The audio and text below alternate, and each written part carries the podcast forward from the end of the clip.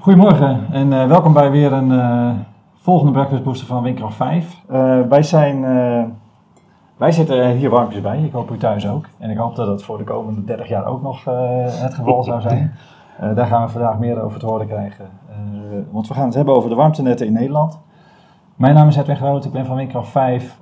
wij zitten op veel plekken in de sector, in de energiesector, om beweging te creëren. En wij creëren ook beweging door ons netwerk aan elkaar te verbinden in de hoop dat daar allerlei vervolginitiatieven uh, en ook weer beweging uit, uh, uit ontstaat. Uh, wij gaan het uh, vandaag hebben over de toekomst van warmtenetten, zoals ik al uh, zei. dat doen wij met een paar hele mooie, boeiende tafelgasten. Judith Kolen, CTO van ETEC.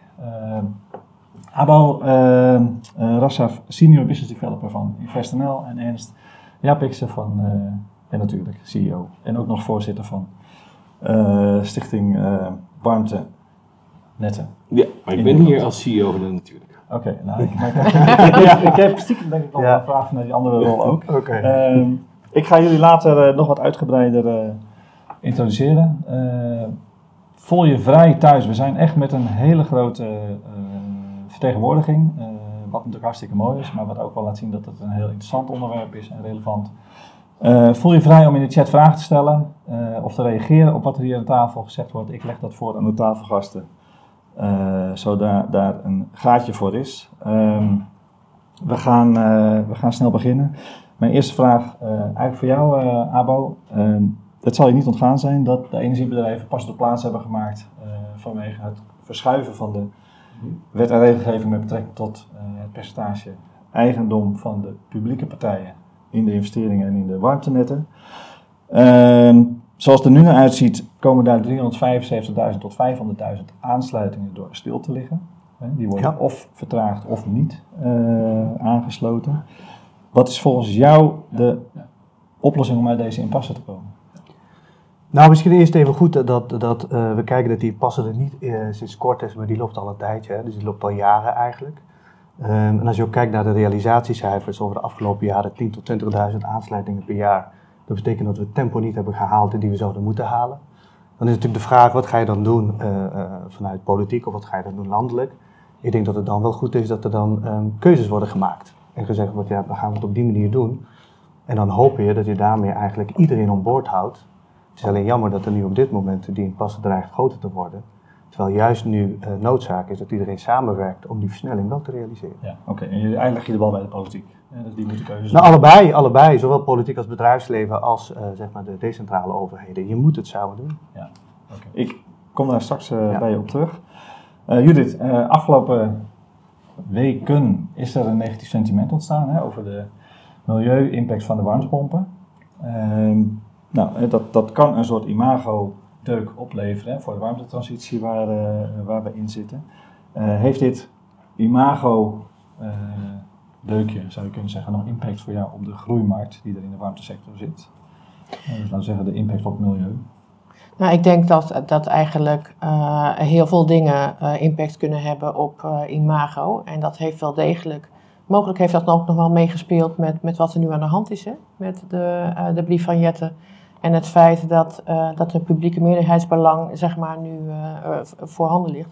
Want ik denk oprecht dat wij als warmte- en energiebedrijven qua, qua imago het niet altijd goed uh, gedaan hebben in de pers. En ik denk dat er ook een klein stukje van waar is zelfs. Ja, wel, dus wel een, stukje, stukje, een stukje hand in eigen boezem zou ik dan niet gek vinden. En wat is dan voor jou een stukje wat waar is? Uh, nou, wat, wat, wat waar is, is uh, hoe, hoe, transparant zijn we nu, zeg maar, als, als partijen. Hè, als het gaat om winsten en eventuele overwinsten die gemaakt worden. Ja.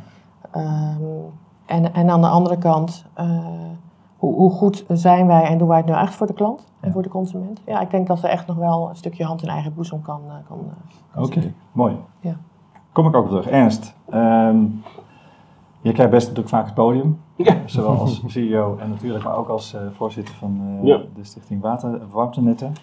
Uh, jij schuift het niet onder stoel banken, hoe jij over de nieuwe energiewet of over de nieuwe warmtewet uh, uh, denkt. om hem dan maar even zo plat te slaan, wat is dan volgens jou de grootste misser die nu gemaakt is met de nieuwe warmtewet? de grootste misser is wat mij betreft dat de partijen worden uitgesloten. Ehm, of zich in ieder geval uitgesloten voelen. Oké. En welke partijen zijn dat? De eh, private warmtebedrijven eh, hebben op dit moment, voelen ze niet de ruimte om investeringen te nemen. Terwijl ze dat juist wel zouden moeten doen, omdat we anders de, eh, de doelstelling van 500.000 huizen niet halen. Dus eh, ik, eh, die drie private die alsmaar in het nieuws staan, hè, die drie grote, die maken natuurlijk een hoop herrie. Maar er zitten heel veel mensen die heel graag energietransitie willen doen. Het, gaat, het komt over het algemeen allemaal van hier. Hè. Ja. En wa- wat zijn de drie grote? Eneco, Vattenfall en, en natuurlijk zijn het de drie grootste. Ehm E-Tech daar behoorlijk dicht in de buurt eh, tegenwoordig. Die zit wel in een ander segment. Ja. worden ook minder geraakt door die, eh door die warmte Dat is waar. eh, wet. Ja. Ehm, maar het is doodzonde en eh eh, volgens nu al zeg ik, ik ben niet blij met de wet. Ik ben wel heel erg voorstander van publiek-privaat samenwerken. ja. Ehm, en wel zodanig dat iedereen zijn eigen risico's ook kan managen. En als we dat voor elkaar krijgen, dan kunnen we gewoon weer aan de slag. Maar wat is dan wat is zo lastig aan de wet? Nou, de, er, er wordt mij gevraagd om geld en kennis te stoppen, maar dat ik niks, eh, niks te vertellen heb. En, eh, en dat is niet goed. En maar, maar hoezo niks te vertellen? Want als jij 49% van de aandelen hebt en je hebt nog drie andere partijen, dan heb je toch nog steeds een significant deel te vertellen. En volgens mij in Noorwegen is er ook een voorbeeld van een stad waar een minderheidsbelang bij een private partij ligt en waarbij een publieke partij. Dat klopt, maar, maar zo'n samenwerking zou misschien ook best kunnen. Ehm, alleen Maar, maar, maar, hoezo, maar, maar hoezo past dan die vorm van samenwerking volgens jou niet binnen de huidige warmtewetkaders? Nou, kijk, weet je, er zit een. eh, eh, we hebben eigenlijk vanaf het begin af aan hebben we gezegd: Goh, weet je, eh, publiek-privaat is, is prima. En je moet zorgen dat er dan evenredig kennis en geld ook ingestopt wordt. Dus je moet het met elkaar hebben over hoe manage je de risico's. Eh, en zoals de wet nu is ingestoken, is het heel moeilijk om je, om je risico's eh, te managen. En ik denk dat er best oplossingen gaan komen. Eh, maar ik zou veel liever daar het gesprek over voeren dan alsmaar het gesprek voeren over wel eens niet eens moeten eh, eh, in publieke handen. Waarvan ik denk, wat lost het op dan?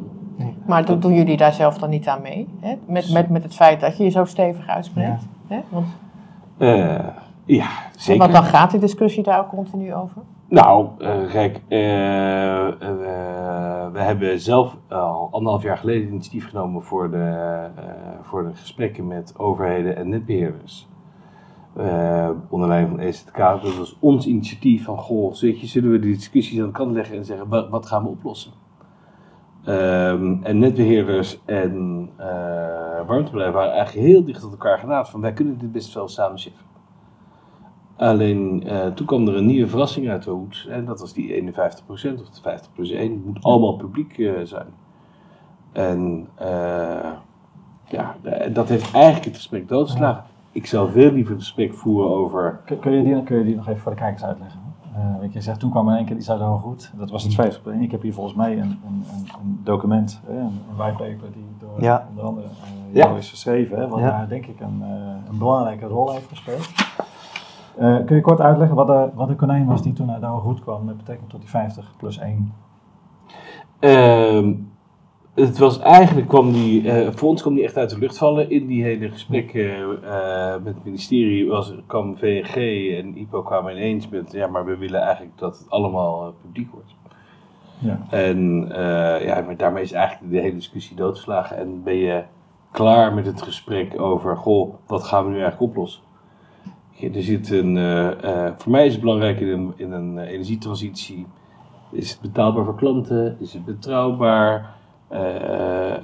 Is het duurzaam? Zit er een beetje tempo in? Zijn, zijn het een partij afgehaakt op dat moment?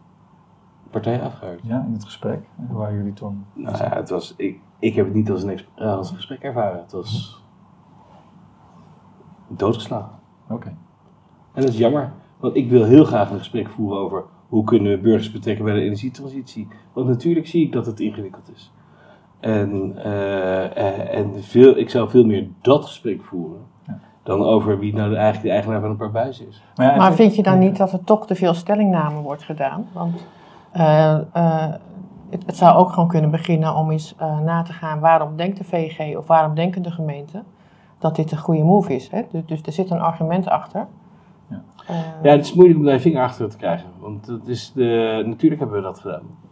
En natuurlijk, weet je, dingen polariseren natuurlijk in de media. Uh, je moet wat er in de media gebeurt, wil niet zeggen wat daar daaronder gebeurt. Hè? Dus de, maar wat, wat, wat kun je dat dan toelichten? Dus als je zegt dat, eh, dat wij misschien in de media een verkeerd beeld hebben gekregen, wat gebeurt er dan daaronder wat een ander beeld geeft? Nou, ik denk dat, uh, en dat zal het ministerie ook bevestigen, wij eigenlijk altijd een hele coöperatieve stand hebben gestaan van oké, hoe, hoe kunnen we de, tot een oplossing komen? Hm.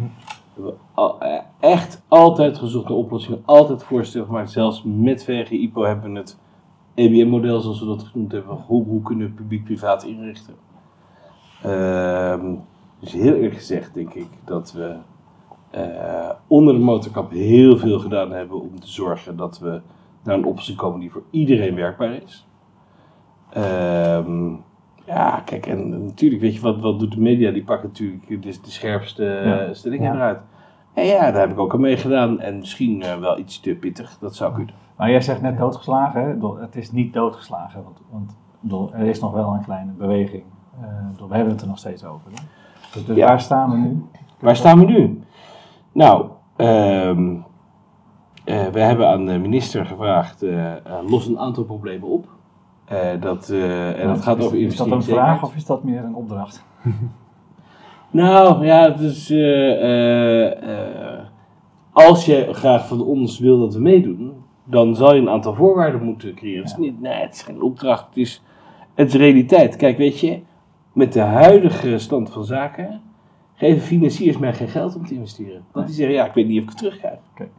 Ik, ik, ik, wil even een, een brugje maken naar jou, uh, Abel. Want uh, je werkt bij InvestNL. Uh, InvestNL is een soort van publieke investeerder, zou je kunnen zeggen, met, met ja. overheidsgeld.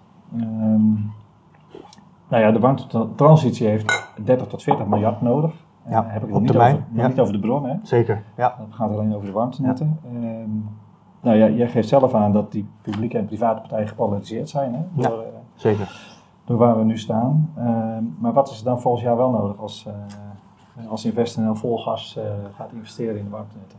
Ja, of is dat voor, nu, voor InvestNL nu al voldoende kader dat je zegt, nou wij kunnen nu vol gas geven op investeringen? Ik denk dat, dat er een aantal dingen zijn. Hè. Eerst even terug te komen op wat is er nodig. Ja, er is heel veel geld nodig. En daar zul je echt op samen moeten werken. Niet alleen publiek geld, maar ook privaat geld. Zeker. Dat moet je op een goede manier samenbrengen. Zorg dat de risico's goed gemanaged worden, dat de juiste partijen aan zet zijn om dat ook datgene te doen wat ze moeten doen. Om even terug te komen op, op wat, wat, Ernst ook net zei, uh, een, stuk wat wij ooit hebben geschreven.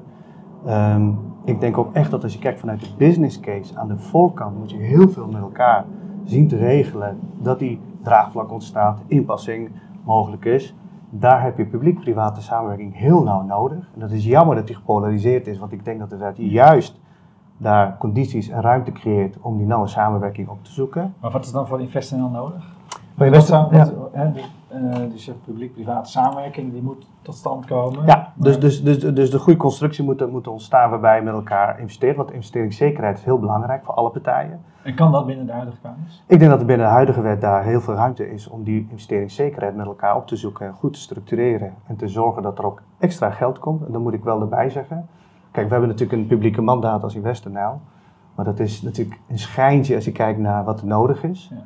En daarnaast als je kijkt wat er nog daarvoor nodig is om te zorgen dat die samenwerking, die 50% plus 1, vormgegeven wordt. In samenwerking met private partijen, banken, pensioenfondsen. Dan denk ik als je dat goed organiseert, dat dat uiteindelijk grotendeels van die, van die puzzel wel gelegd gaat worden. Ben je daarbij afhankelijk van de huidige kaders eh, binnen de warmtewet? Of zeg je nou, eh, we kunnen nu binnen de huidige kaders kunnen wij dit prima gaan organiseren? Ja, maar kijk, wat ik zei, het is ook een kapitaalvraagstuk. Hè. Op dit moment gaat het onze balanskapitaal gewoon ver te boven. Ik denk dat we een paar projecten zouden kunnen doen om te laten zien hoe je op een andere manier financiert en construct organiseert.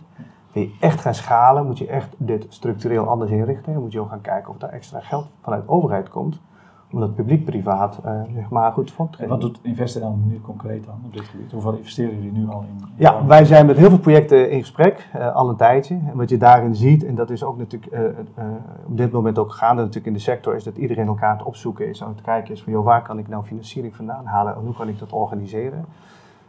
we zijn met heel veel projecten in gesprek en, en vaak zie je wel dat projecten die op een gegeven moment toch een doorgang vinden, toch doorgang vinden omdat ze dan subsidie krijgen. Ja, en daar, dan is natuurlijk het geld dat wij eh, inleggen iets duurder. Maar ik geloof echt wel op lange termijn is uh, manier zoals wij investeren, een veel langer en houdbarer model, dan dat je iedere keer een subsidie krijgt en uh, twee projecten verder bent en daarna weer stuk komt te vallen. En wat houdt het dan tegen? Dus waardoor valt het dan stil? Ik denk dat waardoor het stilvalt is dat je met elkaar structurele samenwerking wil zoeken. Structurele samenwerking betekent dus echt een PPS-formule met elkaar zien te organiseren, waar je op lange termijn skin in the game hebt en weet dat dat niet een, een, een sprintje is, maar echt een marathon. En allebei ook je, je organisatie kapitaal op organiseert. Ja, Ernst die zegt, jij zegt dat we zitten in passen. Dus we staan stil. Ja, ik wil eerst even, ik vind, Oude zegt wel iets moois over die subsidie. Hè. De, de, wat je ziet, er wordt best veel subsidie gegeven nu. En, uh, en, en op het moment dat de subsidie stopt, stopt het project ook. Kijk alleen nog naar die elektrische auto's. Die worden allemaal weer naar het buitenland verkocht. Zo krijg je nooit een tweedehands elektrisch wagenpark. Ja. Maar je ziet het ook bij, uh, bij uh, duurzame energieprojecten. Die zijn helemaal afhankelijk gemaakt van subsidie. En subsidie zou eigenlijk je moeten helpen om over een dood punt te komen naar een gezonde business case. Zeker, ja. En uh, in mijn optiek wordt, wordt subsidie heel vaak gebruikt om het dan maar 15 jaar te laten draaien. Hm.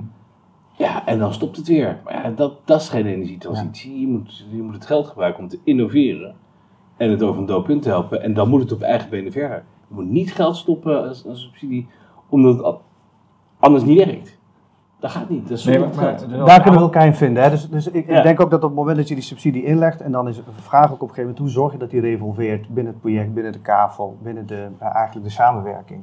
Als je daar de juiste samenwerking zoekt en additioneel kapitaal uit de markt weet. Uh, en dat is uh, natuurlijk goed gelukt met een, met een PGM. Maar ik denk dat er nog meer pensioenfondsen zijn, nog meer banken zijn, financiële partijen zijn die op het moment dat de constructie in de vehicle goed in elkaar zit en de groei goed erin zit, dat er echt wel uitgenodigd worden om te verder investeren. En zeg je daarmee dat er een tekort is aan financiering?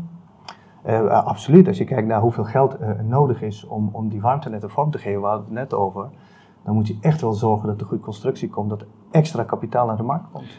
Nou, wat ingewikkeld is, kijk, uh, een jaar geleden kostte geld nog bijna niks om te lenen. Dat is inmiddels behoorlijk anders. Zeker, ja. Uh, en dat gaat het niet eenvoudiger maken als je met een jaar geleden had fout zegt, er is geld zat. Ja, ja. Uh, en er is nog steeds wel geld zat, alleen uh, er hangt een iets ander rentepercentage ja. aan.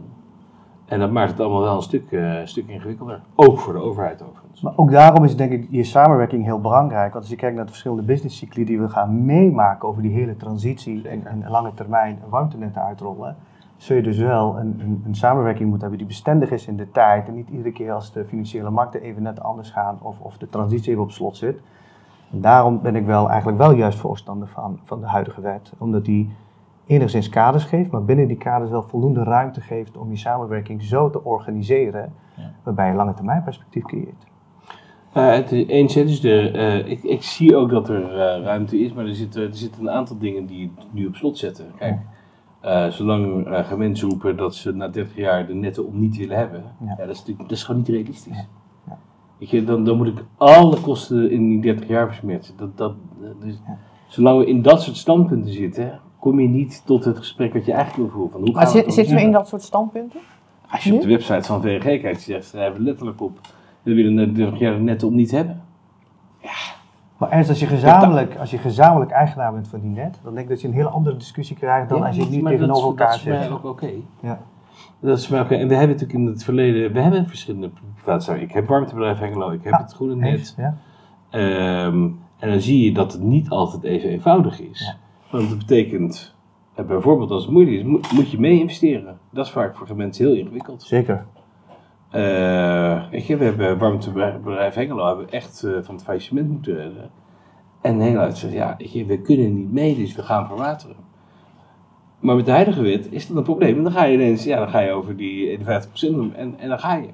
Dus pas op, hè. Het is, nee, ik begrijp het. Ja, kijk, wat, ik, wat ik zelf heel erg jammer vind van de hele discussie is waarom het zo polariseert. Want uiteindelijk, uh, weet je, er is zoveel werk. Uh, en wij zijn partijen die hebben uh, enorm veel kennis en expertise opgebouwd. Dus de overheid die kan niet anders dan ons nodig hebben. Zeker. Uh, ja. Dus, dus ja, wat, wat ik gewoon echt niet begrijp is waarom hebben het alleen maar over de dingen waar we het over oneens zijn. En waarom kunnen we niet op zoek gaan naar waar we het wel over eens zijn. Want ik hoor in dit gesprek wel degelijk al een aantal elementen waarvan ik denk, publiek-private samenwerking hoor ik jou ook zeggen, ben ik voor. Zeker. Uh, hè, maar dan zullen we het moeten hebben over het, het, wat is blokking hè, om te investeren. Wat, wat zijn, wat zijn veel lichtpuntjes dan die in de, in de huidige wet zitten? Nou, er zijn heel veel goede dingen in de wet. De, de, de, de consumentenbescherming, de verduurzaming, de, dat zijn al twee fantastische dingen die hartstikke goed geregeld zijn. Dus er zit heel veel goeds. Het enige waar je het even over moet hebben is over hoe kan je het geïntegreerd model, heel belangrijk. Uh, dus de, voor mij betreft hoef je het eigenlijk alleen maar te hebben over hoe kan je risico's managen als verschillende partijen. En dan zijn we er. Het is allemaal niet zo ingewikkeld. Exact. Maar je moet wel het gesprek willen voeren. Uh, uiteraard. En, en het is ook heel terecht, want dat merken wij ook in de business uh, uh, waar ETEC dan zit.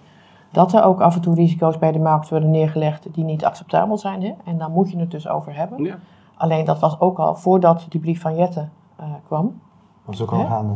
Dus, nou ja, dus een aantal dingen waren gewoon al gaande. Uit de chat hebben we de vraag gekregen hè, dat wij uit een situatie komen waar 100% van de warmtebedrijven publiek was. Hè? In de, ja. de tijd hè, dat we nog de nuonwarmte uh, ja. Ja, ja, ja, ja. Uh, uh, hebben jullie een idee waarom dat uiteindelijk dan toch niet goed is geweest en waardoor dan uiteindelijk toch die kanteling naar de private kant is gekomen en dat we nu dan blijkbaar toch weer teruggaan naar de publieke ja, kijk, voor mij is het niet uh, of, voor mij is het en. En, precies. Ja, ja. Daar, ja. daar, daar, daar, zit, daar zit het verschil. Weet je, wat mij betreft mag iedereen meedoen. We hebben iedereen nodig. Absoluut. Dus, dus organiseer de wet nou zo dat iedereen mee kan doen. Ja. En dan kan een gemeente... Maar wat, ma maar wat maakt dan dat die, dat, die, uh, uh, dat die toen in de publieke omgeving zat? Heeft dat te maken met lange terugverdientijden? Uh, dat private partijen dat, uh, dat risico niet kunnen nemen? Uh, of, of je hebt net 30 jaar genoemd. Nou ja, kijk, weet je, voor, voor, ik, kan, ik kan voor mijn aandeelhouder, dus een pensioenfonds, dat is mijn grootste aandeelhouder. En die zit daarin, omdat ze graag meedoen aan de energietransitie in Nederland. Ja. Uh, ze zeggen, nou weet je, met een bescheiden rendement, noem het even het obligatierendement, wordt ja. helemaal niet zoveel geld verdiend. Nee. Uh, maar het is wel stabiele cashflow. Dat is voor een pensioenfonds heel belangrijk. Ja. Dus die zijn echt gemotiveerd om, uh, om mee te doen. De, dus, ja. Oké, okay, maar, maar net zeg je 30 jaar is dan niet lang? Hè, of niet, nou, ja, voor, is voor ons is het acceptabel. Ja. Oké. Okay. Maar je zegt er zijn partijen die 30 jaar niet acceptabel vinden. Uh, nou, dat van moet je denk ik niet meedoen in de warmtransitie, want het is, dit is niet snel geld verdienen hoor. Integendeel, nee. dit is een stabiel rendement. Okay, maar wat, wat, is dan een realistische terugverdientijd als je het hebt over de warmtenetten? Uh, het hangt er maar vanaf hoe je het inprijst. Dus, dus de, kijk, ik, wij, wij, maken business cases op 30 jaar en dan ga je van een restwaarde nog uit. Ja. Uh, dus maar bij alles kijk ik naar 30 jaar. En dus bij heel veel projecten, die de eerste 12 jaar, moet er geld bij, hè? Eerste 13, dus uh, kijk naar, ik denk best een succesvol uh, publiek bedrijf, is het warmtebedrijf uh, Permanent. Hm? Hartstikke mooi bedrijf. Uh, doen het goed. Hebben de eerste 18 jaar rode cijfers gemaakt. Dus pas daarna zijn ze in het zwart zo. Maar het is, het is een mooi bedrijf, weet je? dus het kan wel. Ja. Alleen je moet accepteren dat het, dat het heel lang duurt. Maar is dit, is dit dan misschien ook wel het... Uh... Ja, maar, maar, ik denk dat het goed is dat we gezien hebben dat het publiek niet, niet, niet, niet heel snel ging. En privaat ging natuurlijk ook niet heel snel. Ik heb net cijfers genoemd. Ik denk dat daar eigenlijk volgens mij de, de, uiteindelijk uh, uh, de toekomst zit. Is dat je dat gezamenlijk doet. Je hebt alles en iedereen nodig Helemaal om het te doen. En wat ik heel mooi vind is, uh, als je kijkt naar um, bedrijf hè, waar jij bij zit, Ernst. En natuurlijk, er zit een pensioenfonds, een hele andere DNA. Met veel, ja, een energiebedrijf. Hè, die ene zit voor 20, de andere zit voor 80% Ja. in. Dus het kan wel samengewerkt worden en op lange termijn investeringen van de grond te krijgen. En ik denk dat dat, dat, dat, dat is de formule die je zoekt uh, om te kijken van welke regio, welke DNA heb je nodig, wie moet je bij elkaar brengen. Ja. Dat is die samenwerking. Ja, ja. En volgens mij past het heel goed in de geest van de wet. En, en nou, dan is het over die 50% moet het meer of minder zijn. Kijk, ik denk dat als je bij uh, dit soort complexe materie zit, kun je beter aan dezelfde kant van tafel zitten dan tegenover elkaar. Dat lost heel veel wat jij zegt, discussiepunten, uh, die verdwijnen dan vrij snel, omdat je in hetzelfde laag Dat is pak precies zit. waarom wij de warmtedialoog hebben geïnitieerd. Ja. Om, om dat gesprek te voeren. Ik wil, ik wil even door naar uh, Judith, want jij uh, noemde net al even de, zeg maar even het consumentvertrouwen hè, in, de, in de warmtebedrijven. Ja. nou, door de nieuwe warmtewet zie je toch een beetje een kanteling richting de publieke kant. Hè? Dus eigenlijk neemt de overheid neemt meer, meer invloed. Op de warmtenetten. Is dat, hoe gaat dat uiteindelijk bijdragen aan het terugkrijgen van het vertrouwen in de, in de warmtesector? Um, ik weet niet of dat aan elkaar gerelateerd is. Kijk, ik probeer alleen maar. Ik, ik begrijp en, en ik vind ook dat het nodig is dat, dat de politiek zich steviger uitlaat over een aantal zaken. En die verduurzaming in de warmtenetten, dat vraagt zoveel, die hele energietransitie. Dus een stevige overheidsbemoeienis is super relevant. Ja. en daar hoort dan ook een stukje zeggenschap en sturing bij. Dus ik vind het niet raar dat, uh, dat, dat deze keuze nu gemaakt wordt. Alleen in de uitvoering van die keuze zit een hele hoop hobbels. Daar heeft Ernst er een aantal van genoemd. Ja. Daar moet je op uitkomen. En um, ik denk dat zowel. Uh, het zegt voor mij al een hele hoop, want het vertrouwen in een gemeente is ook altijd niet briljant, in alle eerlijkheid dat, dat, dat de keuze gemaakt is. Nou, laat ik hem dan anders stellen. Dus misschien koppel ik het onterecht aan elkaar, hè? Dus de, de, rol van de overheid. Maar wat zou er dan volgens jou dan nu nodig zijn om het consumentenvertrouwen uh, terug te krijgen? Nou, daar hebben we zelf, vind ik, een hele grote uh, uh, zeggenschap in. Dus, dus wat wij nodig hebben is dat we zelf in de spiegel kijken en zeggen van hoe hebben we dit la kunnen laten gebeuren. Uh, bijvoorbeeld. Maar ik neem aan dat je al in de spiegel gekeken hebt. Dus we kijken in de spiegel en ik, ik, ik, ik, ik ben niet altijd blij met wat ik zie. Nee, dus, uh, maar, dus, maar, wat zouden wij dan nu concreet uh, kunnen verwachten van jullie om het consumentenvertrouwen terug te krijgen? Nou, in ieder geval begint het dus bij, bij, bij de consument en de belangen van de consument maximaal willen en kunnen behartigen. Ja. En dat, dat is al heel plat in bedrijfsprocessen door te zorgen dat wij onze bereikbaarheid beter doen, storingen beter oplossen. Dat is aan de ene kant van het verhaal. En aan de andere kant van het verhaal, want wat ik ook nog wel heel veel zie is, het is gewoon de afgelopen twee jaar wat gebeurd hè, met de energie- en gasprijzen. En de betaalbaarheid. En dat onderwerp betaalbaarheid, daar, ja, daar, vind, daar vind ik dat wij zelf, als zowel publieke als private partijen, gewoon standpunt op moeten innemen. En wat ik merk in, in, in, in, als wij nu aanbieden, uh, is dat het toch nog in heel veel gevallen gaat over de laatste projectbijdrage, wat consequenties heeft ja. voor de, de huur. Uh, maar, wat, wat en, en, en, en, de vaste lasten en de variabele lasten bedoel ik van het, uh, van het warmtestuk. Snap ik, maar je zegt wel, er is natuurlijk wel wat gebeurd de afgelopen paar jaar hè, met de energiecrisis, ja. met de gasprijzen. Ja. daar heeft de Elektra, overheid, inflatie. De overheid heeft ook een belangrijke rol genomen daarin, hè, met het prijsplafond. Ja. Ehm, hoe leg je dat dan uit richting de warmtesector en de rol van de overheid en het terugkrijgen van het consumentvertrouwen? Nou, ik vind het uh, sommige dingen ook complex, uh, omdat um, uh, je, hebt, je, hebt, je hebt elektra, je hebt gasprijzen, je hebt de koppeling van gas nog, die, die er eigenlijk ook zo snel mogelijk af zou moeten. We hebben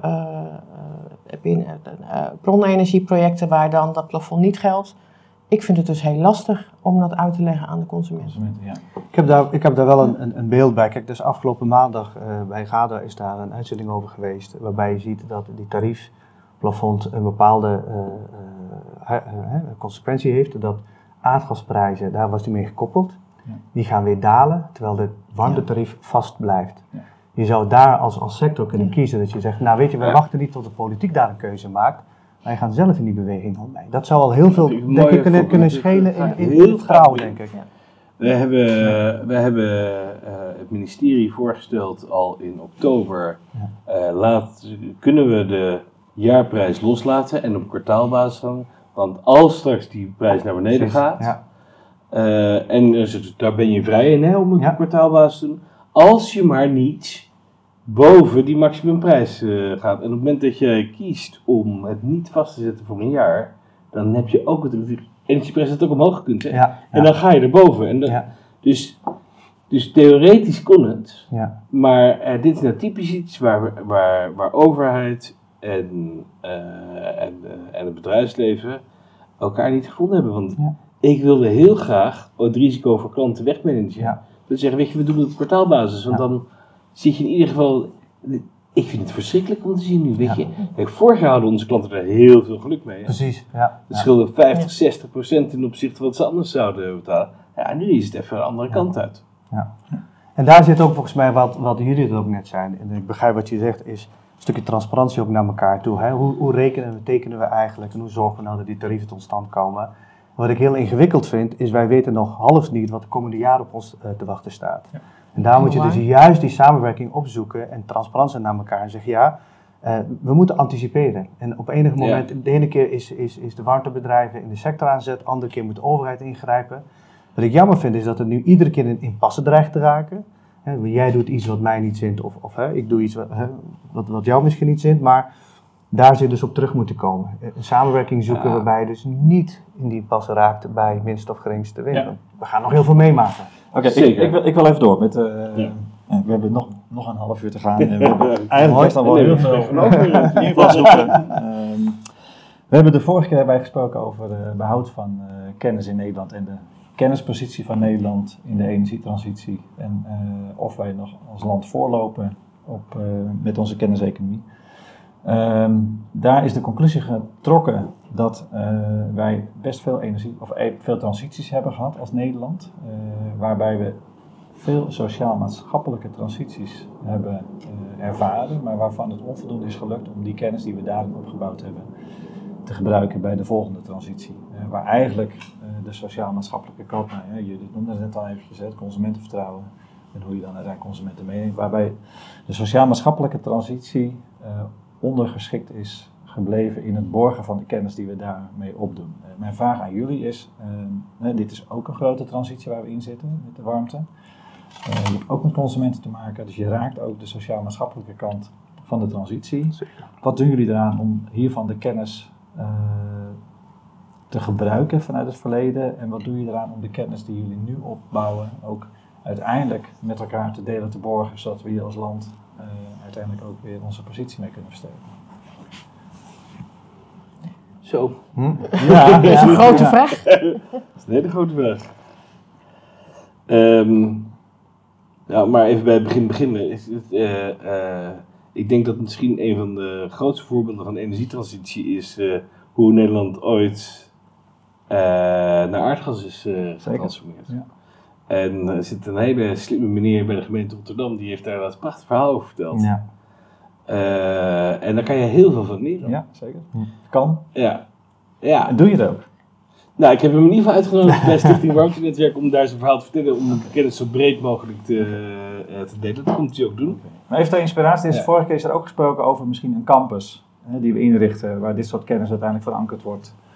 Ja, uh, graag. Zelfs. Uh, zou ik zo wel meedoen. Hm, okay. Ja. en wij zoeken in ieder geval samenwerking met universiteiten op en met hogescholen op. Uh, doen laten heel veel mensen stages lopen om maar te zorgen dat kennis opgebouwd wordt. We investeren in jonge mensen om ze klaar te maken voor de energietransitie. Dus dat is waarop wij in ieder geval proberen bij te dragen. Ehm, we proberen ook burgers meer bij de energietransitie te betrekken. We hebben al twee jaar geleden hebben we de buurtbouwdoos geïntroduceerd. Dat is een spelletje wat je thuis kan spelen. Heel eenvoudig, bordspel. Uh, en daarna kan je met je buur spelen en kan je ontdekken. Maar, maar, dat is wat je nu zelf doet. Hè? Dus dat is hoe je zelf omgaat met de ja, maar, maar, maar, maar daarmee deel je ook je kennis. Hè? Want daar gaat het uiteindelijk om. Dus je moet, je moet je kennis zoveel mogelijk verder brengen. Zodat anderen daar weer verder op kunnen, kunnen werken. Je moet niet denken dat je alles in je eentje moet uitvinden. Hoe opener je bent, hoe meer mensen op jouw idee verder kunnen werken. Uh, Kijk even naar jou, Judith. Heb jij daar nog iets uh, vanuit ETEC aan toe te voegen? Um, nou ja, wat, wat, wat de essentie blijft waar ik heel erg in geloof, is dus dat je uh, interesse moet blijven houden in al die stakeholders en alles wat er speelt. Uh, en dat is ook een stuk van kennis, hè? Uh, zoals ik het dan daar maar tegenaan kijk. Hè? Dus dat stuk kennis vergaren, dat is waar ik zelf heel erg in, in, in, geloof. En dat kan zijn in de bestaande bouw er moet veel gebeuren. Hoe zit een woningcoöperatie erin? Hm. Uh, energiecoöperaties willen ook veel meer te zeggen kunnen hebben. Van hé, hey, kunnen we daar eens geen constructen voor bedenken? Nee, maar op zich dat is het ook niet nieuw. Hè? Vergeleken met de gastransitie die we achter de rug hebben, hè? van kolen naar gas. Waren er ook lokale initiatieven ja. die ook invloed wilden, et cetera, et cetera. Dus vraag ja, van, van, wat haal je nog daaruit? Uh, ik denk het een mooi voorbeeld hè, om zo'n zo gast Maar, maar we kijken ook wel naar dingen als uh, hoe ging het destijds met, met wind op zee of de, de overdracht van, uh, van, van, van de netten naar van de netbeheerder naar Tenet. Ja. en ja. welke lessen kunnen we daaruit leren? Da daar kijken wij bijvoorbeeld bij okay. ETEC ook en, naar. En kun je ook iets zeggen over hoe je dan nu die kennis ook weer ontsluit? Want je doet nu weer veel ervaring op met lokale initiatieven. Wat doe je daar om, om, die kennis breder te delen in Nederland? Wij organiseren zeer regelmatig kennissessies. Ja. Uh, waar, waar allerlei partijen welkom zijn. Uh, alles en iedereen, of dat nou een, een concurrent is of een, een, een consument. En daar krijgen we zeer veel positieve respons op. Oké, ja. mooi. Dat is een mooi voorbeeld. Ja. Mooi voorbeeld. wil je er nog iets aan toevoegen? Of, nou, ik, ik, sluit me gewoon enorm aan bij, bij kennisvergaren delen. Maar wat ik nog, nog belangrijk vind om, om, om aan toe te voegen is... uiteindelijk wil je zoveel mogelijk participatie hebben. Hè. Je moet het met z'n allen gaan doen. Hè. Zeker. En hoe organiseer je dat? Hè? Van op wijkniveau tot op uh, coöperatieniveau, tot op gemeenteniveau, tot bedrijven en overheid. Ja. En, en, dat is ook wat wij hebben gedaan. Hè? Dus ook een stukje uh, papers die wij daarover schrijven, is op het moment dat wij zo'n reis doormaken en met al die partijen aan tafel zitten, gaat niet altijd goed. Hè? Het is ook niet erg om dat soort dingen ook met elkaar te delen en te vertellen van waarom het niet goed gaat en hoe zorg je daarvoor. Dan zitten we hier ook voor aan tafel. Ja. Dus ik denk dat je dat heel veel moet delen en gewoon doen. En gewoon ook betrekken. Hè? Betrek al die partijgroeperingen erbij. Om te begrijpen waar zij mee zitten. Uh, en, en, dan even een algemene vraag aan jullie vanuit de chat. Uh, zie je dan meer uh, in het ontwikkelen van kennis door heel veel kleine lokale initiatieven of juist meer door een grotere collectieve aanpak? En waarbij je eigenlijk dan een soort mantelorganisatie ja. hebt waarmee je die kennisuitwisseling ik geloof in in-en, hè, maar het is ook facering. Hè, dus je zult het soms eerst moeten uitvinden. Wat zou jij voorkeur hebben? Moeten we meer kleinschalig projecten doen ja. uh, om de kennis op te bouwen, of moeten we juist naar een collectieve aanpak? Denk, denk aan de Stichting ELAAT bijvoorbeeld, hè, die eigenlijk ja. overkoepelend de kennis van de laadinfrastructuur. Uh, Nogmaals, ik denk echt en-en. Hè. Dus, dus soms moet je het echt nog eerst lokaal uitvinden met elkaar. En voordat je het echt gaat opschalen en, en, en daar systematisch daar keuzes in gaat maken. Uh, dus niet of, of. Dit, uh, ik, ik moet al lachen, ja. ja. wat, zou, wat zou jouw keuze zijn? Nou, als je een keuze moet maken, dan zou ik wel voor het, het, het collectief gaan. Collectief. Ja. ja. Waarbij dan wel, vind ik, dus de vorm die je kiest hè, voor collectief. Ja. en welke partijen hebben daar een belang in. daar kun je nog allerlei smaakjes zeg maar, in hebben. Ja. En wat wordt dan, wat wordt dan de e-laat voor warmte? Hoe gaat dat eruit zien? Oeh, geen idee joh uh. Nou, die al bestaat met uh, Stichting Warmte Netwerk. Waar de hele keten uh, ja. verbonden is. Hij zit even voor- en tegenstanders van de warmtewet om te beginnen. ja. Het is, maar daar zit alles vertegenwoordigd. Gemeentes, adviseurs, warmtebedrijven, netbeheerders. alles zit daar en het heeft maar één doel. Is elkaar verbinden, leveranciers, aannemers, alles zit erin. Eén doel is zorgen dat we van elkaar kunnen leren. Dat is bijvoorbeeld een grote projecttool. Iedereen kan daarbij, iedereen kan zien wat hoe projecten gaan zijn. Maar er zit het grote verschil, denk ik, toch met ELAT, is dat het meer of meer een soort virtuele organisatie is. Hè, waarbij je wel heel veel online met elkaar uitwisselt, hè, waarbij je die tools beschikbaar stelt. Uh, maar ELAT heeft een compleet lab waar ze testen doen. Ze ontwikkelen protocollen. Ja, hè, heb ik ook gezien. Europese niveau ja. invloed hebben genomen. Is zoiets dan niet nodig? Ja, nou ja, dus ik denk, uh, uh, dan zet ik toch even nu mijn pet van de Stichting Warmtenetwerk ja. op. Uh, we hebben goed dat je daar niet uit nee, Ik probeer goed die rollen te scheiden. Ja. Dus de, de, uh, wij zijn bij onze broer in Duitsland gaan kijken, want die hebben dat namelijk wel. en we gaan Stichting Warmtenetwerk ook transformeren naar meer om dat te kunnen faciliteren. Dus we hebben nu ook een programmamanager aangenomen die ons gaat helpen om naar de volgende fase te gaan. Dat het echt een professionele organisatie wordt, niet meer afhankelijk van vrije. Ja, want dat stoppen we er nu allemaal in. Ja. Het is bij de gratie van al onze werkgevers dat we dit kunnen doen. Hè? Dus, maar dat we echt stap kunnen gaan maken om uh, uh, veel actiever nog die warmtetransitie okay, te doen. Dus, dus we hebben gezien hoe het anders kan in Duitsland. Wat is er nu in Nederland nodig om en wat zou nu de eerste stap dan zijn? Nou, kijk, je, de, uh, uh, de AGV, dat is, dat is een Duitse organisatie, daar zit 40 man in dienst. Wij hebben een paar partnermensen hebben we aan ons gebonden. Dus je zal um, begin die financiering voor elkaar moeten krijgen. Dat betekent dat je de branche moet daaraan mee gaan betalen. Dus, dus de financiering is al een vraag. Financiering is uh, hier. En je moet het ook niet in één keer van 0 naar 40 willen stappen. Maar je moet stap voor stap moet je dat uh, gaan doen. Nou, dan zie je al dat dat voor ons als bestuur heel ingewikkeld is om dat er even bij te doen. Dus we hebben nu geld vrijgemaakt om een programmamanager aan te trekken. En die is net begonnen. Okay. Uh, om die eerste stappen ook voor te bereiden. Dus het is echt een stap geweest. Gaan kunnen, kunnen partijen in de sector zich aanmelden om uh, hier aan uh, bij te gaan dragen en mee te gaan doen? Altijd, altijd. Zeg je daarmee dat er een soort landelijk loket komt waar je, waar je hè, dus, dus, dus de uh, warmtenet-vraagstuk gaat oppakken? Ja. ja, en daarom zeggen we ook nadrukkelijk, Stichting Warmtenet is niet een lobbyclub, nee, maar is een kennis. Kennis, heel mooi. Maar is dat, dan, uh, is dat hier nu dan gestart? Dat partijen zich bij jou kunnen aanmelden? Ja, dat, dat, dat, dat, was al gestart. Ja. Maar ik vind, ik vind het echt wel uh, goed dat je het aankaart, uh, Ernst. Want hè, we hebben beide bij de netbeheerder gezeten. En toen, toen liepen we ook veel in Netbeheer Nederland verband liepen we rond. En we hebben Energie Nederland, we hebben Stichting Warmte Netwerk, wat inderdaad wel een andere setting heeft. Maar ik geloof er wel heel erg in, en dat heb ik toen ook wel eens geroepen dat, dat je dat ook bijna als tweede baan zou moeten zien, als je gelooft in die samenwerking. Ja. Zeker. dus, dus dan, en, en dan zul je daar ook een, professionele organisatie Ja, de vraag is even of je het redt, of je het redt met een programmamanager.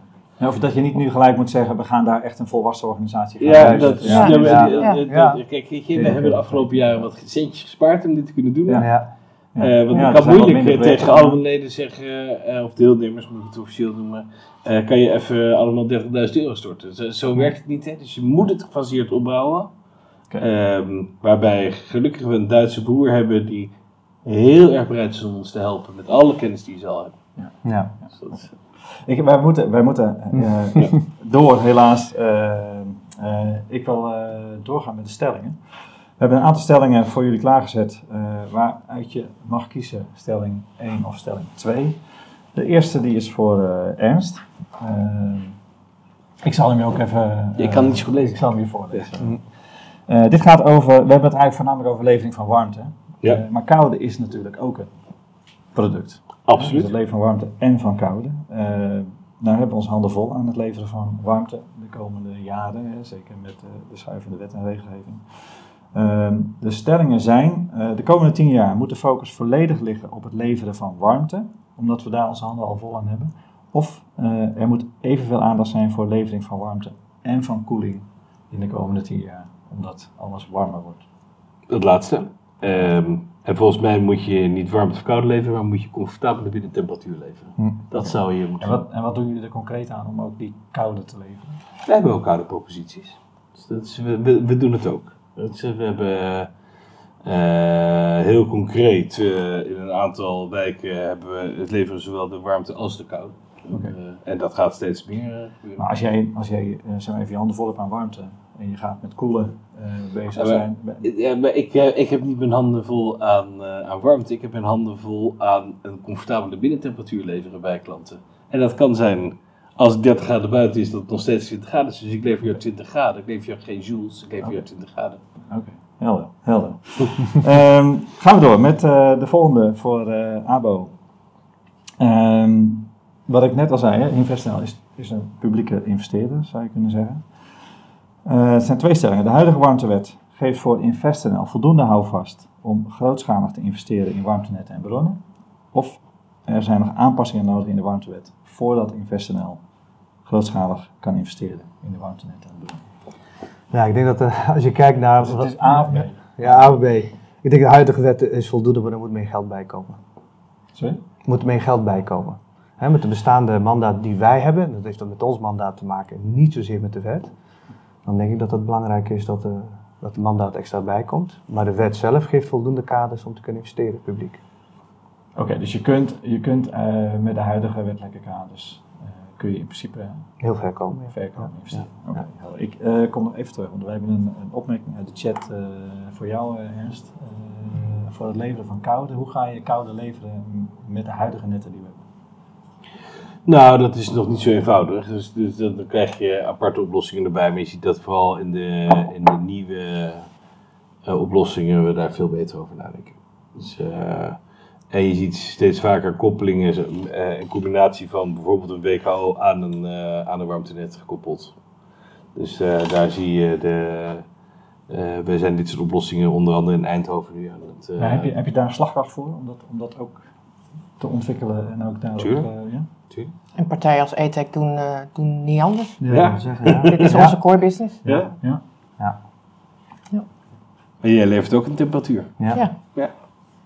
Ja, kun je daar iets over toelichten hoe jullie dat doen? Ga je dan uh, ga je verschillende netten aanleggen voor koude en voor warmte? Uh, wij, wij, wij leveren warmte en koude uh, opslag. en, en de bron kan nog wel eens anders zijn. Hè? Het kan ja. aquatimie zijn of vanuit de bodem. En met, met warmtepompen en grote centrales waarderen we dat op. Ja. Maar het klopt wat Ernst zegt. wij leveren comfort en daar hoort koude ook bij. Oké. Okay. En, en, en, en dat doen we zeg maar in 99% van de gevallen met uh, wel ook een stukje collectiviteit. Dus, uh, ja. ja. dus, dus, ja. Maar als je dan, uh, denk even aan de zomers hè, met alle airco's. Kun je dan met de levering van koude een significant deel opvangen van de, zeg maar even de airco energie die nodig is? want je ziet toch veel dat mensen dan terugvallen op de elektriciteit hè, voor Ja. het koelen. Nou ja, in, dat, dat is in nieuwbouw makkelijker dan in, uh, in bestaande bouw. Hè? Want dat, dat hangt natuurlijk ook heel erg af van, uh, Nou, van het gebouw dat, zelf. dat zeg maar, even het leven van koude voor jullie nu vooral mogelijk is in de nieuwbouw? Dus Ja. dat de bestaande bouw, dat het daar, eh, Dat doen we nog veel minder. dat je daar feitelijk zegt, joh, eh, netbeheerders, eh, leveranciers van elektriciteit, eh, even die koude vraag in de zomer is jullie pakken aan. Nou, ook, ook willen wij eh, in de bestaande bouw wel degelijk diverse oplossingen gaan bieden. Willen. Voor zowel warmte als koude. Eh, mondjesmaat. Mondjesmaat. Hè? Maar daar zijn we gewoon eh, wel mee bezig om daarnaar te kijken. Ja. Ik denk Ik, ga, ik, ik wil door naar de volgende stelling voor jou, eh, Judith. Eh, dat gaat over, eh, eh, nou als je kijkt naar de aanleg van warmtenetten, dan heb je bij het aanleggen en het exporteren heb je wel twee significante risicoprofielen die anders zijn. Eh, de investeringen voor het aanleggen zijn ook vele malen anders dan het exporteren van de, van de warmtenetten. Eh, nou ja, er zijn verschillende gedachten over. Hè. Je moet het juist in één hand houden, hè, waardoor je je risico aan het begin kunt spreiden met hè, zeg maar even de exploitatiefase van een project. Hè. Er zijn ook wel ideeën dat vanwege juist het verschil van risico, eh, dat je die twee los moet koppelen. Dus dat je de, de partijen eh, moet selecteren die vooral het investeringsrisico kunnen nemen voor de aanleg en dan de exploitatie door andere partijen eh, laat doen. Eh, daar gaat de stelling over. Stelling 1 is, je moet de ontwikkeling en exploitatie van warmtenetten juist vanwege die verschillen in risicoprofielen onderbrengen bij één partij. Twee, vanwege de grote verschillen in de risicoprofielen moet je de exploitatie en de ontwikkeling van warmtenetten zien als twee losse trajecten en daardoor ook eh, zeg maar, eh, neerleggen bij twee verschillende partijen. Zo, dat vind ik nogal een, eh, vind ik nogal een stelling om. eh, hè, ik, ik ben meestal echt wel van de ja en nee. Ehm, en het is ook weer makkelijker eh, als ik gewoon kijk van wat ethic met name veel doet. Hè, eh, kan dat prima in één hand. Eh, ik vind het wel eh, eh, anders als je het hebt over stadswarmtenetten. Dus, dus ik denk dat het wel een beetje afhangt van de, de, de, de techniek, zeg maar, waar ik dan zelf voor zou kiezen. maar even vanuit ETEC dan, hè, want je zegt, ja, Dan zou aan tafel is het één, en dan Ja. zeg je dat kan prima in één hand. Ja. Ehm, En, en daar kijken we al in dat soort trajecten hoe we dat slim ook met de ketenpartners kunnen doen. Hè? Als het gaat om, als een andere partij een betere voorwaarden voor bouwfinanciering heeft. Precies. eh, hoeven we dat niet na te laten om daar eh, gebruik van te maken. ja. Hè, maar dan kun je het Ik nog steeds in ja. één hand hebben. Ik denk dat, dat, dat, dat daar de, de, de oplossing zit, is dat je de juiste partij in de juiste fase erbij betrekt. En dan Ja. heb je natuurlijk in hand vanuit de ETEC Ja. wie wanneer erbij betrekt. Maar Ja. er zijn wel verschillende DNA's over de, Ja. hè, op de hele levenscyclus. Ja. Wat, even inhoudelijk, wat zou je kunnen zeggen over de risicoprofielen? Wat is, wat, is, hoe, wa- wat is het risico in de eerste fase van aanleg en wat is het risico in de exploitatie? Eh, ja, in de eerste fase van, eh, van aanleg zit, zit het, ehm, ja, dat, dat, dat zijn de stichtingskosten. Eh, dus- dus lopen die in de pas, hè? Dus, dus wordt het niet te duur. Eh, eh, en en eh, he- heb je ook installatiepartners die dat kunnen. En zeker met wat er afgelopen jaar eh, was gebeurd, ook met de oorlog in Oekraïne, met, met eh, de inflatie en indexatie, en ook doorlooptijden, zit daar wel veel spanning op. Hè? Want je kan niet meer prijsvast afspraken maken. Ja. dus dat is het risico daar. En in de exploitatie zit, zit ook wel het risico in ja, hoe indexeer je nou en met welke futures reken je nou. Dus, dus als je een 30-jarige exploitatie hebt, en wat gaan nou de gas- en elektraprijzen doen? En blijft de koppeling er wel of niet zitten? Wij vinden dat die eraf moet. Ja. Maar waar rekent dan de ene partij mee, waar rekent de ander mee? Ja, ja vind ik. Hm. Ja, dat maakt uit. En, dat maakt heel veel uit. En, en daar zit dus een risico op. Ja. en, en substantieel ook. Ja. En nou zei je net ook al, hè, voor ETEC geldt meer, denk ik, één, hè, dus dat je het geïntegreerd kunt doen. Maar je kunt je ook voorstellen dat er partijen zijn die dat anders zien. Of, uh, ja, en wij staan overigens open om, om juist te kijken, hè, want wij geloven gewoon, kijk gewoon goed naar die fases. En kijk gewoon goed naar welke spelers daarin nodig zijn. Ja. En uh, voor het ene product kunnen wij over al, die stappen kunnen wij een rol spelen. En bij andere producten misschien alleen de exportatie of misschien alleen de voorkant. Hm. Ja. We zitten er eigenlijk heel heel, heel simpel in. Kijken meer naar de mogelijkheden in plaats van ja. naar wat allemaal niet kan. Um, nou hebben wij het hier, uh, ik denk uh, vier boosters geleden gehad over de maakbaarheidsproblemen in, in transitie. Ja. gebrek aan personeel, het verloop van personeel. Hoe is dat voor jullie? Nou, ik denk dat, dat, dat, dat iedere partij uh, te, te, weinig medewerkers heeft. Hè? Want als je kijkt naar de opgave met en, en de mensen die je nodig hebt, uh, dan is dat een uitdaging. En alleen al daarom uh, denk ik dat, we toch terug op samenwerken. Want ook in zo'n proces, of ook in een, een, een grote warmteontwikkeling, ja. houden we elkaar soms ontzettend bezig met in, in, de contracteringsfase. Ja hebben we allemaal onze eigen advocaten en gaan we uh, het allemaal, ja. weet je, kosten daar heel veel tijd. Dus ik denk dat ook daarin heel veel te winnen is, als er dan al schaarste is, om dan ook de handen ineen te slaan met... met ja, nou, de, de, de vraag kwam uit de chat. Uh, dus de vraag is ook van, wat doe je er concreet aan dan? En, voor te zorgen dat de mensen binnen de sector blijven, dat je efficiënter omgaat met de schaarse, mm. zeg maar, menskracht.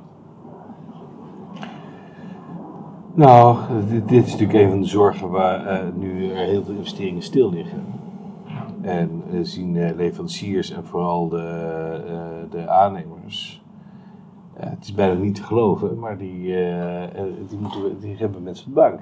Ja, ja. En, en, en, die gaan dus weer omgeschoold worden naar andere technieken. En dit is wel het allerlaatste wat je moet weten. Ja. Maar zeg je, is dat een gevolg van het stilvallen nu van de, van de warmtetransitie? dat daardoor mensen... Eigenlijk zou je, want als je naar de opgave... En, eh, en ik denk dat de netbeheerders dat fantastisch gedaan hebben. Want die hebben ook de zekerheid dat ze de komende 10, 15 jaar uh, uh, gaan investeren. Die sluiten 10, 15 jaar contract af. En dan kan je als aannemer kan je er prachtig op inspelen, weet je.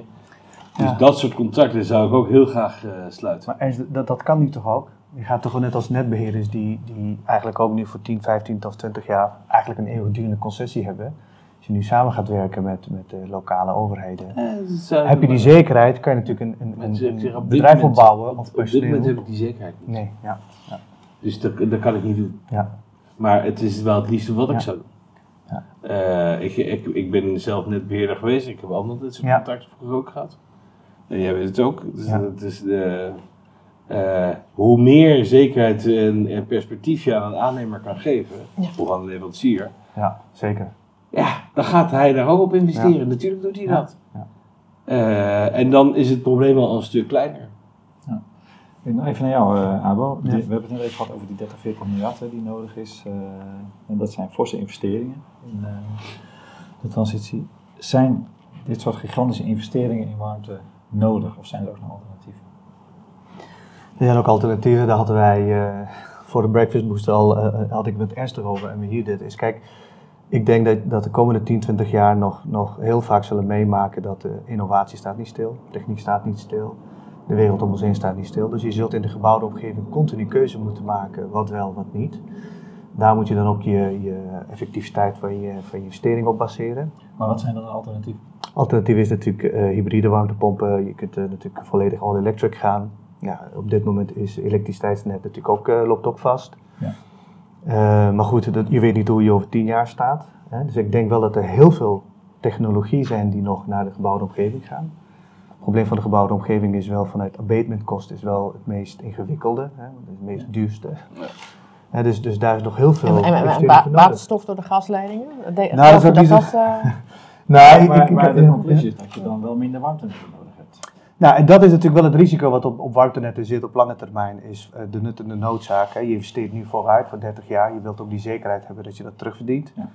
Dus je wilt ook zeker zijn dat je de juiste investeringen doet. En dan moet je het ook gezamenlijk doen. In ieder geval je risico's kunnen managen. Precies, ja.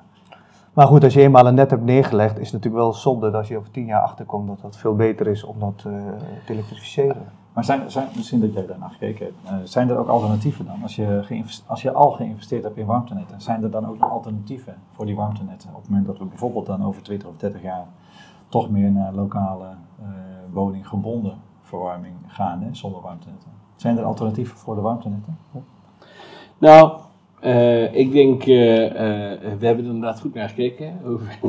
er is een, je, je, kan grofweg kan je, het woningbestand in Nederland in drie onderdelen knippen. zeer geschikt voor warmtenetten nu en over 30 jaar nog steeds. Ja. absoluut ongeschikt voor warmtenetten en dat grijze gebied. En daar ga je natuurlijk de innovatie en de concurrentieslag doen. Dus ik ben er niet zo negatief over over toekomstige warmtenetten. Waar mijn ding zit is, je moet in staat zijn om de mooie uh, duurzame bronnen los te krijgen. Precies. Dus uh, we hebben wind en zon als twee grote bronnen. Wij geloven heel erg dat aardwarmte de derde grote bron in Nederland wordt. Zeker. En als je die gaat ontsluiten, ja, dan zijn warmte, uh, warmtenetten weer, weer heel relevant. Ja. Ja, ja daar ik wel. Warmtenetten zijn ook heel relevant voor wat wij noemen afvalelektriciteit. Ja. Ehm, maar er is wel een evolutie nodig in de bronnen, zeg je, hè? verduurzaming van de bronnen. Ja. Het, het, de, als je het al over winnaars zou moeten hebben in de energietransitie, is degene die bronnen kan ontwikkelen. Zeker, ja. Absoluut. Ja. Ik wil uh, daarmee een mooie uh, brug slaan naar uh, een morele vraag. Die ik aan jullie stel voor jullie organisatie, niet als persoon, maar voor jullie organisatie. We hebben klimaatdoelstellingen 2030, 2050. Um, ja, ik heb het idee dat wij toch wat stil zijn komen te vallen hè, met, uh, met de warmtetransitie. Uh, dat zal, zal ongetwijfeld impact hebben op de klimaatdoelstellingen. Gaan we de doelstellingen nog halen, wat jullie betreft? En wat gaan jullie er als bedrijf aan doen om die doelstellingen wel te halen? Wie zou daar eerst... Uh, met deze pas ga ik niet halen. Niet halen. En wat kun je er dan als bedrijf? Nou, wij gaan uh, letterlijk daar waar wij gewend zijn, gaan wij, uh, daar waar wij mogen, zullen wij nog actiever worden. Ehm, ja, kun je het concreet maken? nou ja, de, die gaat ons terugzien in bronnenontwikkeling, die gaat ons terugzien in kleine, kleine collectieven. wij geloven heel erg in coöperatieve gedachten veel meer dan in de publieke gedachte eerlijk gezegd. Dus bijvoorbeeld, wij zijn nu een aquathermiecentrale in Helmond aan het uh, ontwikkelen. Nou, à la de windtransitie zou ik het heel leuk vinden als onze klanten daar ook een aandeel in die aquathermiecentrale zouden kunnen. Mooi, mooi, mooie ambitie. Ik ga hem snel doorgeven uh, aan Judith. Uh, wat gaan jullie dan doen om de doelstellingen te halen? Ja, want ik ben wel pessimistisch in alle eerlijkheid uh, over het gaan halen. Uh, ik zou uh, willen zeggen, ik, ik heb van harte wil ik dat we het halen. En wat gaan wij dan zelf doen? dat is ook hoe ETEX zich met name opstelt, is of het nou linksom of rechtsom is, wij gaan een bijdrage leveren. Dus, dus, dus, we zitten er heel erg in vanuit de can-do mentaliteit. Maar wat, voor, wat voor gebied? Wat, nou, dat, dat betekent gewoon andere uh, proposities ontwikkelen, met netbeheerders in gesprek om te kijken van hé, hey, uh, als jullie... Als, als ik jou over vijf jaar dan spreek, wat, wat, wat, wat is dan een voorbeeld van een propositie die jullie hebben ontwikkeld om die doelstellingen toch... Nou, dan, dan denk ik dat wij uh, concepten hebben ontwikkeld waarbij we en met een gemeente en een, een, een warmtebedrijf, hè, of dat nou de netbeheerder een rol in heeft, en een woningcoöperatie en een bewonersvertegenwoordiging in een juridisch construct zitten in een gebiedsontwikkeling. Oké, okay. lijkt enigszins ook wel op wat Ernst als... ja, maar er zitten ook veel meer overeenkomsten dan verschillen. Zeker. Als Het, het geldt hetzelfde, ik net heel veel overeenkomsten zitten. Ik hoop dat wij een aantal duurzame vehicles constructen kunnen ontwikkelen samen met de regio, met, met warmtebedrijven, waar investeringszekerheid uit gaat ontstaan die er nodig is. Ja, oké. Ik, ja, wij, zitten op de tijd helaas en ik had nog zoveel vragen voor jullie. maar die, die laat ik even wat het is. Wij hebben de volgende keer hebben wij waterstof als onderwerp aan tafel. Uh, met onder andere uh, André Molenaar, de CEO van HB Storage, uh, voor hm. opslag van waterstof. en daar komen ongetwijfeld nog een paar heel interessante gasten bij. Wat zou de vraag zijn die jullie daar aan door willen geven? Ik zou vooral willen weten wat is, wat is de toekomst van waterstof in de gebouwde omgeving. Hè? Wij, zitten hier vanuit perspectief. In de gebouwde omgeving is het toch een bijzondere. Ja. En daar is heel veel over te zeggen, denk ik. Dat is een heldere vraag. Die gaan wij de volgende keer meenemen. Uh, nou, jullie kunnen dan natuurlijk kijken om het antwoord te luisteren. Zijn we aan het einde gekomen van deze negende Breakfast Booster. Bedankt voor het kijken. Ik hoop dat jullie er de volgende keer er weer bij zijn. Dat zal zijn op 8 juni.